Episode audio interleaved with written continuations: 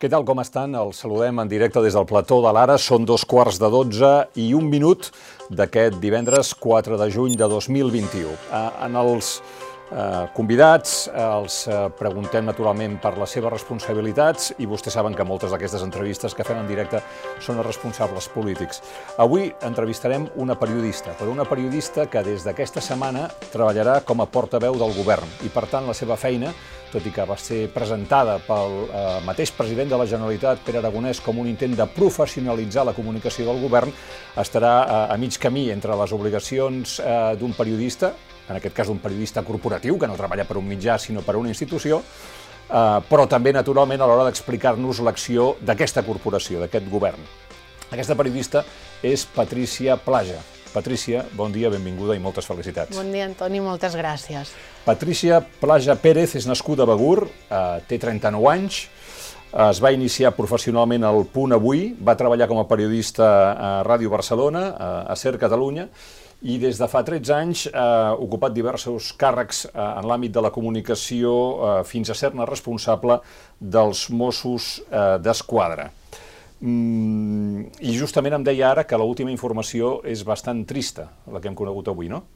Sí, avui ens hem despertat amb la notícia d'un accident de trànsit, d'un conductor que hi va embestir frontalment un altre vehicle a Brera i matant a la conductora del vehicle. El conductor anava agut i després de l'accident va, va marxar del lloc dels fets abandonant el cotxe i la persona que anava amb ell i, el, i la persona de l'altre vehicle que va morir era una mossa d'esquadra que justament sortia, tornava de treballar i anava cap a casa seva. Uh -huh.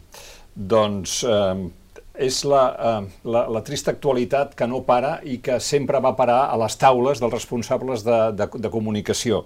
Eh, ara, eh, Patricia Plaja deixarà les seves eh, responsabilitats a Mossos i serà l'encarregada d'informar sobre el govern. S'ha de dir que sobre el seu nomenament hi ha moltes expectatives perquè eh, estem parlant d'una periodista que, com a conseqüència d'haver estat la portadora dels Mossos, ha hagut de donar molt la cara en els últims anys. Eh, D'ella s'ha dit que és treballadora, ho va dir algú que la coneix molt bé, treballadora resolutiva, amb criteri, que té idees clares, autoritat i que és bona persona i que el president Pere Aragonès la fitxa amb criteris professionals i això diu molt d'ell. Amb Patricia Plaja el govern tindrà una gran portaveu i els bessonets estaran orgullosos de la seva mare. Es veu reflectida en, en aquesta descripció? Bueno, el, el sí que és molt generós amb mi sempre, per tant, m'agrada molt la descripció i, i, i m'alegra saber que, que aquesta és la imatge que ell, que ell té. Eh, en criteri d'idees clares i autoritat, al periòdico vaig llegir una columna que parlaven de vostè com descomplexada, enèrgica i més llesta que la gana clar, escoltar com els altres eh, et defineixen i sentir que algú com vostè llegeix aquestes descripcions, doncs puc somriure i puc sentir-me molt agraïda i creure, que, que ho crec de debò, que, que la gent que m'envolta és molt generosa a l'hora de parlar de mi. Patricia, com ha arribat fins aquí, fins a ser porteu del govern?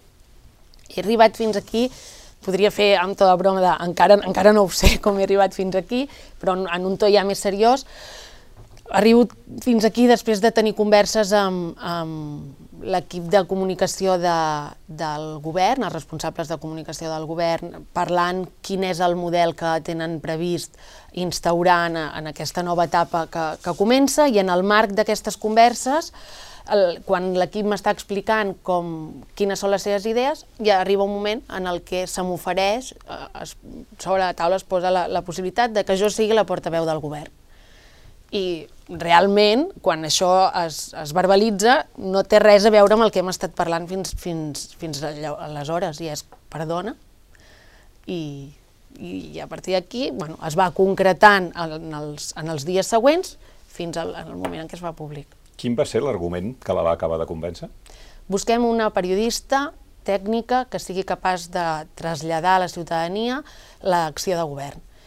I, no és l'explicació, sinó és la resposta a una pregunta meva, no pateixis perquè això no és, eh, no busquem en cap cas una figura política. El que busquem és una persona amb coneixements de comunicació i en aquest cas de comunicació governamental o de comunicació institucional. Això li va acabar dient el president Pere Aragonès en persona? El president Aragonès en persona, sí. Mm. En qui, per cert, abans de que em faci la pregunta, no coneixia absolutament de res més que de seguir l'actualitat la, i, la, i la feina que havia fet en el, en el context polític. Mm -hmm. No cal dir que eh, quan jo li preguntava com ha arribat fins aquí, eh, amb, de fet, un, un arriba als llocs també en part per la seva trajectòria, en bona part per la seva trajectòria. Vostè ha estat 13 anys, com deia, eh, comunicant eh, sobre els Mossos d'Esquadra. I, I això suposo que ha sigut eh, un aprenentatge eh, fonamental a la seva vida. Jo considero, i, i així ho explico sempre, ha sigut l'espai en el que jo he crescut personalment i professionalment. Jo venia amb un bagatge relativament curt per, per l'edat que tinc en els mitjans de comunicació, sense ser volgut, sempre especialitzat en l'àmbit de la comunicació policial i judicial. Perquè vostè feia successos, no? A... El que, el que S'ha dit successos. es diu successos. Tant a la ràdio com a l'avui, com al punt avui. Sí, exacte. I els que els periodistes que fem o que hem fet successos considerem que s'utilitza amb un to pejoratiu. Tu ets de successos. Bueno, no sóc de successos, jo cobreixo la informació de la crònica policial i judicial, però l'imaginari, no? Per abreujar, sí. Els successos, sí, contra de la, és a dir, no per voluntat pròpia, la vida professional em va anar uh, redirigint cap allà. I, de la, I dels mitjans de comunicació, del Punt i, del, i de, la, de Ràdio Barcelona, vaig anar a parar, vaig fer el salt a la comunicació institucional a Mossos convençuda i repetida, i m'ho va sentir dir tothom i tothom m'ho va recordar, vaig marxar amb una excedència de la ràdio assegurant que quan s'acabés aquesta excedència, que era de dos anys, segur no, seguríssim, ho deia sempre, tornaria a la ràdio. Per què ho deia tan segura? Perquè estem complexats, els periodistes que acabem treballant, eh, ara ja no, afortunadament, però fa 10 anys o fa 13, els periodistes que fèiem el salt del periodisme de mitjans al periodisme institucional o al periodisme de fons, creiem, o ens, alguns feia sentir una mica menys periodistes. Llavors era, jo vaig aprendre, a aconseguir molt bagatge, aconseguir fons, seria la reina de les fonts en l'àmbit policial i judicial i tornaré a fer periodisme que alguns diuen de veritat, que és el dels mitjans de comunicació. I crec que era això, era una manera d'autojustificar-me, de per això tornaré tan segura. Yeah. De tota manera, segons la frase atribuïda a Orwell, periodisme és publicar allò que algú no vol que es publiqui. I vostè ara voldrà que algunes coses no es publiquin. I, i no seré jo qui contradigui Orwell, i, i almenys en, en la primera entrevista que faig, però crec que periodisme també és explicar tot allò que interessa a la ciutadania i els periodistes estem per això, per explicar aquelles coses, separar el que realment té interès del que no i, i explicar-ho. Per tant, jo no em centraré en la part d'Orwell del que algú no vol que s'expliqui, sinó en fer arribar les coses a, no d'interès a la gent. No, ja, ja estic segur, ens hem entès, però mm, i segurament hi ha una part que a vostè li deu semblar injusta, que és que el que treballa en periodisme corporatiu se'n diu passar-se al cantó fosc, fosc, no? Al cantó fosc. Clar, ara ja el govern deu ser el més fosc de tots, no? Mm. Treballar per un govern. Llavors, eh, des d'aquest punt de vista, és clar, eh, vostè dirà el, el que creu que té interès. Bueno, per un periodista tot té interès, ja ho sap vostè, no? Clar. Eh, vostè posarà un focus. Però, sí, jo posaré un focus, però la meva feina crec jo, i la de l'equip de comunicació del govern, és obrir les portes de Palau cap als periodistes. En una d'aquestes converses que teníem directament amb el president i amb la resta, quan parlàvem d'aquest model de, de comunicació, dèiem, els periodistes hi ha un tema concret i el que necessiten és, tenen coneixement del tema i necessiten parlar amb aquelles persones que millor coneguin aquest tema i els hi puguin explicar les fonts que ells han de buscar i forma part de la di del dia a dia del periodista, no serà vostè qui, qui li hauré d'explicar absolutament res, Déu me'n lliuri, uh, és aquesta. Fem que des de govern facilitar-los al màxim perquè, i no es tracta de fer un cribatge, de fer una tria, sinó de tenir una llista d'experts, de persones, de aquest és el tema del que tu has decidit que vols parlar perquè té interès, jo com a responsable de comunicació et poso sobre la taula el ventall de professionals de l'administració que et poden ajudar. No et poso sempre i cada dia el president del govern, el vicepresident del govern o el conseller de, del departament corresponent, perquè és obvi que aquestes persones poden parlar moltíssim de les polítiques que estan exercent, però també sabem que qui més coneix el detall d'aquells temes són els que el, el treballen dia a dia i que li han donat forma. I posàvem l'exemple d'aquest és el model per excel·lència de la comunicació de crisi. I és el que vam intentar, i, i jo crec que vam dur a terme amb un relatiu, una relativa satisfacció, el 17 d'agost donaven les explicacions aquells que tenien la informació de primera mà. S'ha repetit això amb, el, amb, amb més o menys encerts amb, el, amb la comunicació relacionada amb la pandèmia. Ens hem acostumat tots a escoltar i a, a sentir-lo i sobretot a escoltar-lo el subdirector de Protecció Civil, el Sergio Delgado, que coneixia moltíssim de la gestió. Hem d'anar a buscar aquestes figures també i forma part de la meva feina no fer una formació de portaveus, sinó identificar aquells portaveus del govern que realment poden ajudar moltíssim a, a que la ciutadania entengui el per què i com s'estan fent les coses. Ja. El que passa és que vostè ens explicarà el que creu que és important del govern, o aquestes altres persones que poden informar, però els periodistes li preguntarem sobre qui anirà a la taula de negociació, um, és a dir, vostè parlarà del Sagarra-Garrigues i nosaltres li preguntarem per l'ampliació de l'aeroport del Prat. Sí. I aleshores què dirà? No puc contestar aquesta pregunta, eh, si ho diu tres vegades a la mateixa roda de premsa diran, bueno, aleshores què fa vostè aquí? Jo crec que estem, eh, hem de tenir una mirada llarga d'aquest nou plantejament de comunicació. És a dir, hi ha un tipus de, de periodisme, que és el periodisme de declaracions, i parlant molt en, en l'argot periodístic, el del tall de veu. El del tall de veu de l'acció, de la declaració que ha fet algú i de la contradeclaració o la rèplica que, que es busca i que es necessita. Aquest, aquest material, aquesta informació, no es trobarà a la portaveu del govern. Si la portaveu del govern és membre del govern amb una responsabilitat, amb una conselleria, té una opinió pròpia, i té la llibertat, o no, amb més o menys encert, de fer-la pública en aquell moment. La portaveu del govern, òbviament, tindrà una opinió, però serà personal i l'explicaré a algú si jo considero, però l'opinió del govern primer se m'haurà de traslladar, el govern primer haurà de, de parlar quin és el posicionament del govern. Per tant, sí, és veritat, hi haurà un decalatge de temps entre si coincideix el govern amb el Consell de Ministres, el Consell de Ministres es fa públic alguna cosa del Consell de Ministres i jo en aquell moment estic en pantalla, en el faristol amb els periodistes, i a mi m'arriben, òbviament, les alertes, sé que em preguntaran per allò i no tindré una resposta. No és perquè no la vulgui donar, sinó és que la meva opinió no té cap valor i el govern encara no ha, no ha fixat una posició sobre això. Per tant, és cert, no la traslladaré. Aquest espai, aquest buit o aquesta mancança mmm, s'ha d'omplir i s'omplirà mirarem la manera de que, evidentment, tinguin resposta a la demanda Esclar. que tinguin. Però els tempos segurament no coincidiran. Això Clar. ens ha passat molt a Mossos. Sí, sí. Segur, però això pot fer que eh, el govern de la Generalitat, ni que sigui temporalment, per unes hores, eh, jugui amb una certa inferioritat. És, és, eh, han posat exactament l'exemple que li anava a posar. Eh, surt el govern espanyol el dimarts, després del Consell de Ministres, la ministra, la ministra portaveu fixa la posició del govern espanyol i diu alguna cosa en relació al govern de la Generalitat. Posem allò que li deia a la taula de negociació. A continuació, vostè està en aquell moment també al faristol. Qui contestarà al govern espanyol en nom del govern de la Generalitat? Quan s'hagi fixat la posició, quan el govern tingui una postura, és possible que sigui la portaveu, o és possible que en funció de, del, del calibratge, de la magnitud del tema, sigui el president qui doni resposta, o sigui el vicepresident. O potser en sentit comú la pot donar vostè, també. Evidentment, però jo no m'aventuraré a pensar que el govern decidirà que... Jo sóc una tècnica de comunicació, mm. i per tant mm, no em prendré la llicència perquè hi ha, un, hi ha no hi ha línies vermelles aquí, el que sí que hi ha és un, uns pilars que hem assentat en la comunicació. Anem a fer una comunicació sincera, verídica i transparent i propera.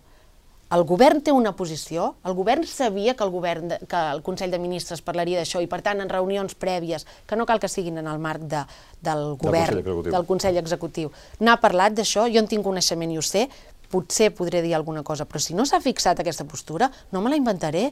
O sigui, els tempos periodístics no poden marcar la credibilitat i la veracitat d'unes de declaracions de la portaveu del govern. No, el que passa que els tempos polítics que hauran fet servir a Madrid o allà on sigui demanaran això, una certa espera en el govern de Catalunya. Sí, és veritat. Crec que els periodistes ho agrairan també en el sentit de no podem fer unes declaracions com a govern que al cap de 10 minuts no mm. rectifiquem, però sí que matisem, però sí que tornem a corregir i les expliquem d'una altra manera. Potser trigarem una mica més a donar aquesta resposta, però serà la posició fixada. Vostè podrà entrar en algun moment als Consells Executius? Sí, en el Consell Executiu com a tal, formalment, no pot entrar ningú que no sigui membre de govern, però... Un comissionat potser sí, no? No, mm, no el vull enganyar crec que no, que no, no, està, no està contemplat. El que sí que és cert que, i sense restar-li cap mena d'importància a la simbologia i a la importància que tenen els Consells de Govern, és obvi que el que s'aprova en Consell de Govern no s'ha decidit, aprovat i, i tancat en allà. Hi ha moltes reunions prèvies i hi ha reunions posteriors. Per tant, el que sí tindré és coneixement de com s'estan treballant clar, tots, agenda. els, tots els temes, amb una mm. agenda prèvia. I, a més a més, un cop finalitzat el govern, la portaveu entrarà amb tots els consellers, perdó, amb el president, el vicepresident i la resta de consellers, a posar en comú aquells temes que considerem que poden ser d'interès de país o periodístics de sortir a la roda de premsa. I en allà, amb tot el govern en ple, és on es fixarà el posicionament del govern que serà traslladat per la portaveu del govern. Per tant, aquell mateix dimarts, abans de sortir a la compareixença pública, la portaveu sí que s'haurà reunit amb el, amb el govern en ple. Uh -huh. uh, el president aragonès va presentar la figura de Patricia Plaja, com els deien començar, com un intent de professionalitzar uh, la informació a la sala de premsa de Palau davant dels mitjans. Però tenint en compte com hem arribat a, a in extremis a la formació d'aquest govern i sobretot la personalitat del president, que tothom dona per persona endreçada, no és un líder elèctric com ho hagin pogut ser, eh, eh, Carles Puigdemont ni és un líder amb una oratòria eh, contundent com la que pugui tenir el president del partit, del seu partit, Oriol Junqueras, del seu, vull dir, del president aragonès, no de Patricia Plaja, perquè jo sàpiga que vostè no té carnet de cap partit. No? De cap partit. Um, però aleshores um, semblaria que aquest intent de professionalització és també una manera de rebaixar la, el grau de polèmica que pugui generar el govern en la seva comunicació pública? És, és, és, uh, és un tipus de professionalització que té a veure amb aquesta personalitat del president que cada vegada estem més veient que és algú que, que més aviat apaga focs, que no atia polèmiques, eh, una mica que el seu mal no vol soroll? Crec que eh, l'explicació que fa vostè es podria resumir mm, amb, amb una frase que és la portaveu donarà molts pocs titulars, segurament, però donarà moltes explicacions no sé si, si coincideix amb el, que, amb el que deia de rebaixar uh, aquesta crispació, o no sé quina és la paraula. Jo no, no sortiré a tirar el foc en, en els temes polítics. Jo don, sortiré a donar explicacions, que segurament no seran els titulars llaminers que pot donar un perfil polític, donant la resposta directa a algú, buscant el cos a cos. Si algú el busca en aquesta, la, la figura de la portaveu, tal i com s'ha modelat, no ho trobarà com fins al que ha pogut percebre fins ara, com és el president aragonès? El conec molt poc, eh? el conec mm, molt de l'opinió que, podem, que pot tenir la ciutadania que el segueix. No, no voldria ara donar una descripció perquè és que és molt personal. El, el que sí que és veritat és que a mi m'ha agradat molt la, la sinceritat, la manera de, de parlar i d'explicar clarament el que volia i, i no l'enganyaré. A mi, una de les coses que realment eh, em van, van pesar molt a l'hora de prendre la decisió és jo el president aragonès no el conec de res, però és que no conec de res el president aragonès, ni, conec, ni coneixia de res a ningú del seu entorn, ni coneixia de res el vicepresident, ni a ningú del seu entorn. Per tant, m'estan venint a oferir Uh, que faci de portaveu del govern per les meves qualitats tècniques, perquè de mi no coneixen absolutament res més. Feia al principi una presentació de 69 anys, de Begú, ells no ho, sa no ho sabien, tot això. Sabien el que havien llegit o el que en l'àmbit professional algú els havia pogut explicar. I, per tant, per mi, un govern que realment busca un perfil tècnic per aquesta figura, bueno, de bones a primeres sí que em dona un, un marge de confiança gran. Li sembla que és un president de fets i no paraules? Aquest lema jo sempre l'associo al president Montilla. Sí, jo també. Oi? Bueno, tothom, vaja, tothom, el, el no? fer seu, sí. És seu. Sí no tinc, no tinc suficient temps per, per poder fer una, una valoració més enllà del respecte institucional que, evidentment, li dec. Uh, abans, uh, fa un moment, uh, deia la Patricia Plaja que probablement, si no la coneixien, han valorat la seva trajectòria. I la seva trajectòria, òbviament, hi ha els atentats de Barcelona i de Cambrils de l'agost del, del 17, en què uh, la comunicació a través de les xarxes socials, significativament a través de, de Twitter, va servir gairebé en temps real, aleshores sí que va ser en temps real, per poder distingir el gra de la palla, allò que era, allò que era veritat del que, del que no era veritat. Um, I um, sí, recordo de dir, escolta, no hi ha ningú atrinxerat en un bar amb hostatges, a, a, a aquest tipus d'informació. Um, aquella va ser una, una exhibició de sang freda? No, no va ser una exhibició de sang freda. Allò va ser la, la posada a la pràctica d'un estil comunicatiu que ja es venia fent a Mossos des de feia molt temps i que s'havia treballat moltíssim. El que passa és que per l'excepcionalitat dels fets, malauradament, evidentment la visibilitat que té la manera com comuniquem no l'ha tingut, no l'havia tingut mai prèviament ni l'ha tingut després, però aquest és el model de comunicació de Mossos, un model de comunicació molt proper i molt transparent, sempre que, que hem pogut explicar el, les accions policials. Allà el que vam posar a la pràctica era un model de comunicació de crisi molt, molt, molt treballat. És veritat que és, era allà sí en directe, s'ha dit i deia vostè, un fals directe, eh? hi havia un, un decalatge. De... Sí, Semblava que... No, però la ciutadania deia és que al mateix moment no, al mateix moment no. Per què? Perquè la rigorositat que teníem claríssima que no podíem perdre no ens permetia, quan ens arribava la informació, de manera immediata tuitejar-ho. Però Nosaltres, al cap de mitja hora, potser. Com a molt. Com a hi molt. havia coses que passaven al, al cap de 15 minuts es feien públiques, però sí que requeria que des de que ens arribava la informació per una font directíssima, aquella font també podia tenir una visió parcial del que estava passant o un efecte túnel perquè veia el que tenia davant i, per tant, era responsabilitat nostra verificar amb una altra font que tingués el context més ampli. I llavors ah, ho feien públic. Mm -hmm.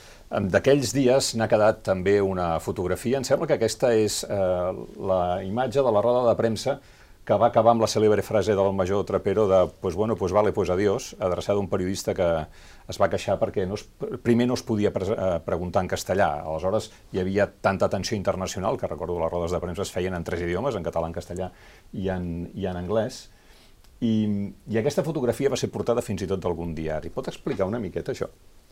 Sí, no, no vull inventar-me res en el sentit de que jo exactament eh, podria dir-li que no li puc dir què em deia el major Trapero perquè m'ho deia a l'orella, però no sé què em deia el major Trapero, no ho recordo. És igual, I sí. quan es va fer pública la fotografia tampoc no recordava què, què havia dit. La...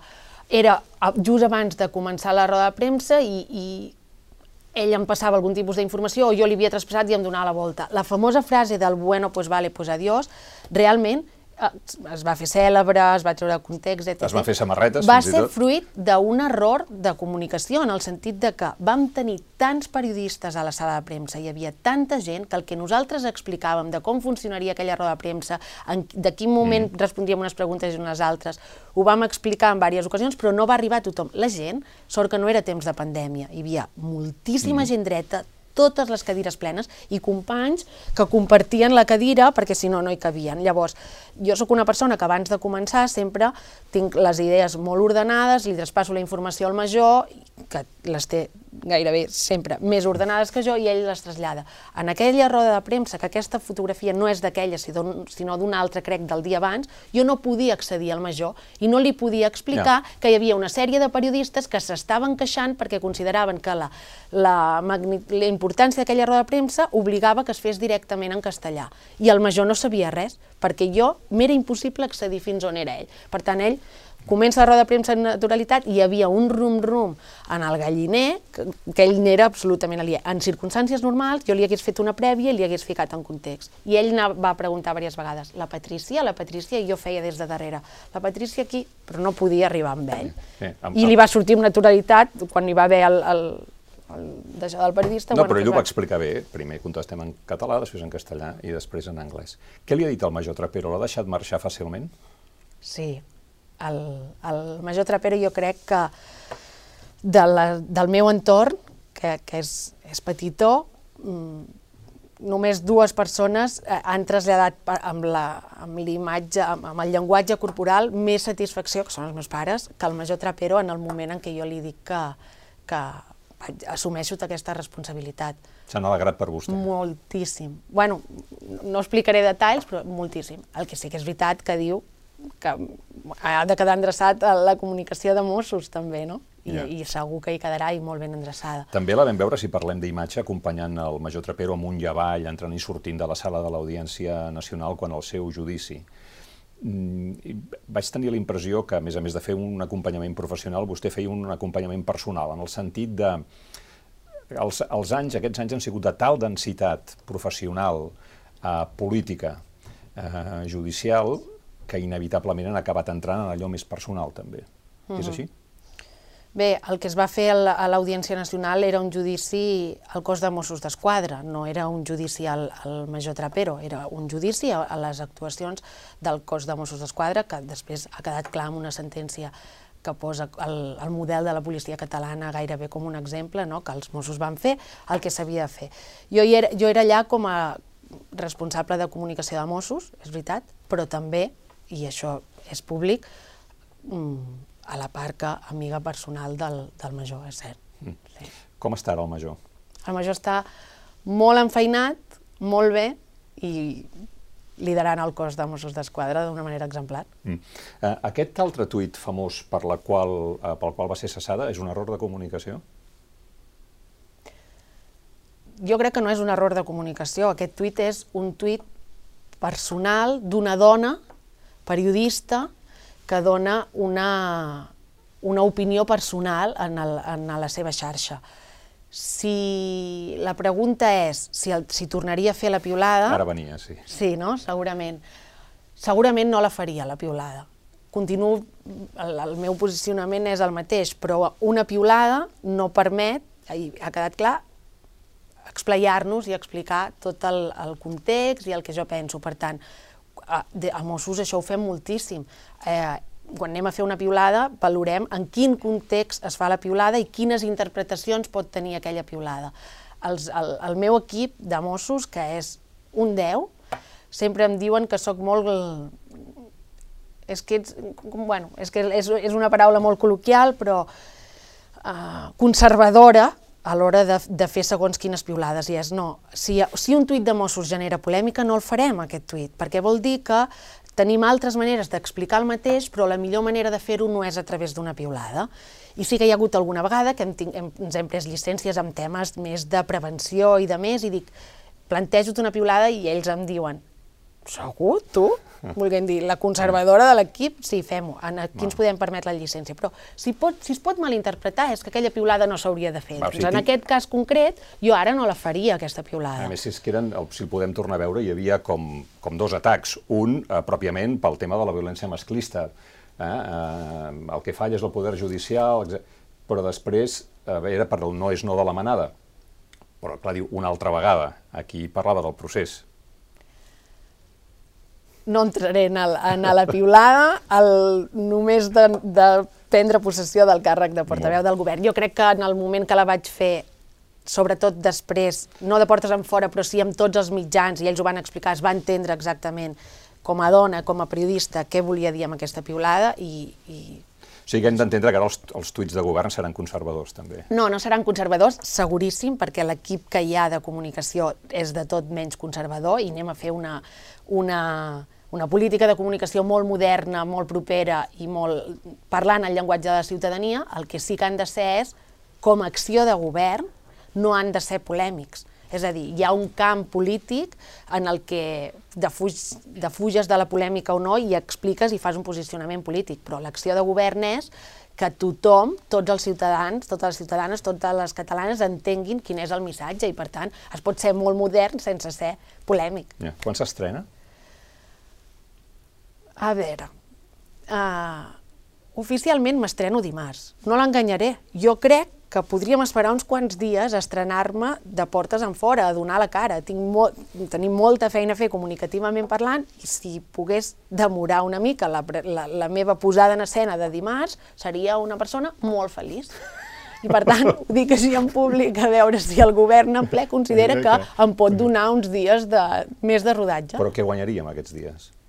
Una immersió a la institució, una, una immersió a l'acció de govern, una immersió en el contacte personal amb els consellers, una immersió amb els DIRCOMs, bueno, poder, quan vas a fer un examen... Amb els passadissos del Palau, potser amb també. Amb tot, aquest comentari de els passadissos del Palau? Sí, vull dir, perquè eh, abans li he preguntat si eh, tenia ja despatx a Palau i m'ha dit que sí, però que es va perdre. És que em vaig perdre moltíssim, em va costar molt sortir ahir, mm. ahir de Palau perquè la porta per on havia entrat estava tancada i em vaig mm. desubicar tot. És que tot és molt nou i quan vas a fer un examen el millor és anar molt preparada, per tant aquesta preparació Els hi dirà als consellers necessito. que vostè és molt bona descobrint qui filtra què? No, i ara, el que els hi diré als consellers, que ja, de fet, ja els hi he dit, no directament, però sí a la primera reunió que vam fer ahir en els, amb les directores i els directors de comunicació, és que les filtracions ajuden molt poc. Les filtracions amb un discurs i amb un relat eh, cohesionat i coherent, les filtracions són sinònim de distorsions. Això no vol dir, ja vagi per endavant, que no sé si té previst preguntar-m'ho pels companys periodistes que estiguin escoltant, això no vol dir que cada mitjà, òbviament, no ha de tenir els seus temes propis, ha de buscar els I seus temes fonts, propis i les seves fonts. Només faltaria. Només faltaria, això és periodisme. Però les filtracions, sobretot les filtracions interessades en maldat, no ajuden mai en una estratègia comunicativa cohesionada. Mai. Vostè també serà una font.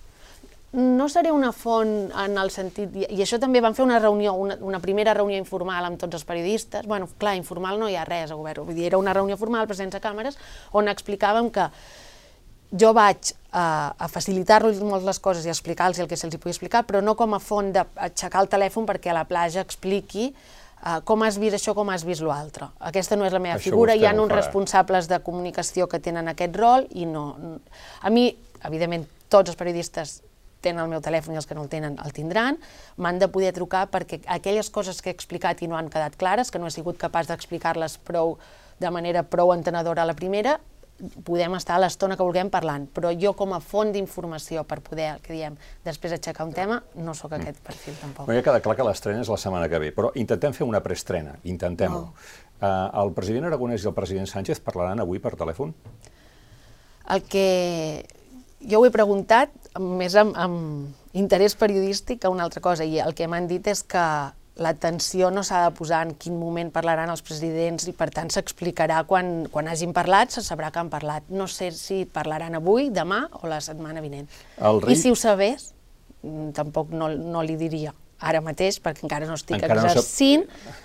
D'acord.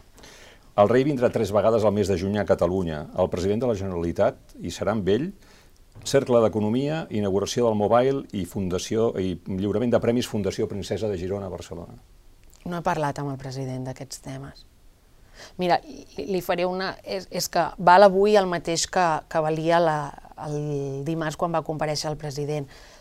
Jo vaig dir al responsable de l'equip de comunicació, mentre l'estava veient encara des del meu despatx de, de Mossos, vaig dir, el 80% de les preguntes que li estan fent al president no sé la resposta. I em va dir, si encara no ets aquí, com vols saber la resposta? Només faltaria. I, per tant, si no saps la resposta, el que hauries de dir és no conec aquesta, aquesta pregunta. I dim- això, dimarts que ve vostè estarà en condicions de contestar aquesta pregunta, creu? De si el, el president de la Generalitat es trobarà amb el rei? jo crec que és possible que estigui en condicions, però és que estic, m'estic aventurant. No he parlat amb el president encara. Molt bé. Acabem. Hauria pogut treballar igual per un govern no independentista? Per un govern no, No independentista. independentista. Sí. Sí. Patricia Plaja, moltíssimes gràcies per haver vingut. Uh, tots els encerts de, del món, uh, des del punt de vista periodístic, uh, entenem que aquesta és una responsabilitat molt gran i que si a vostè les coses li van bé, uh, honorar la professió.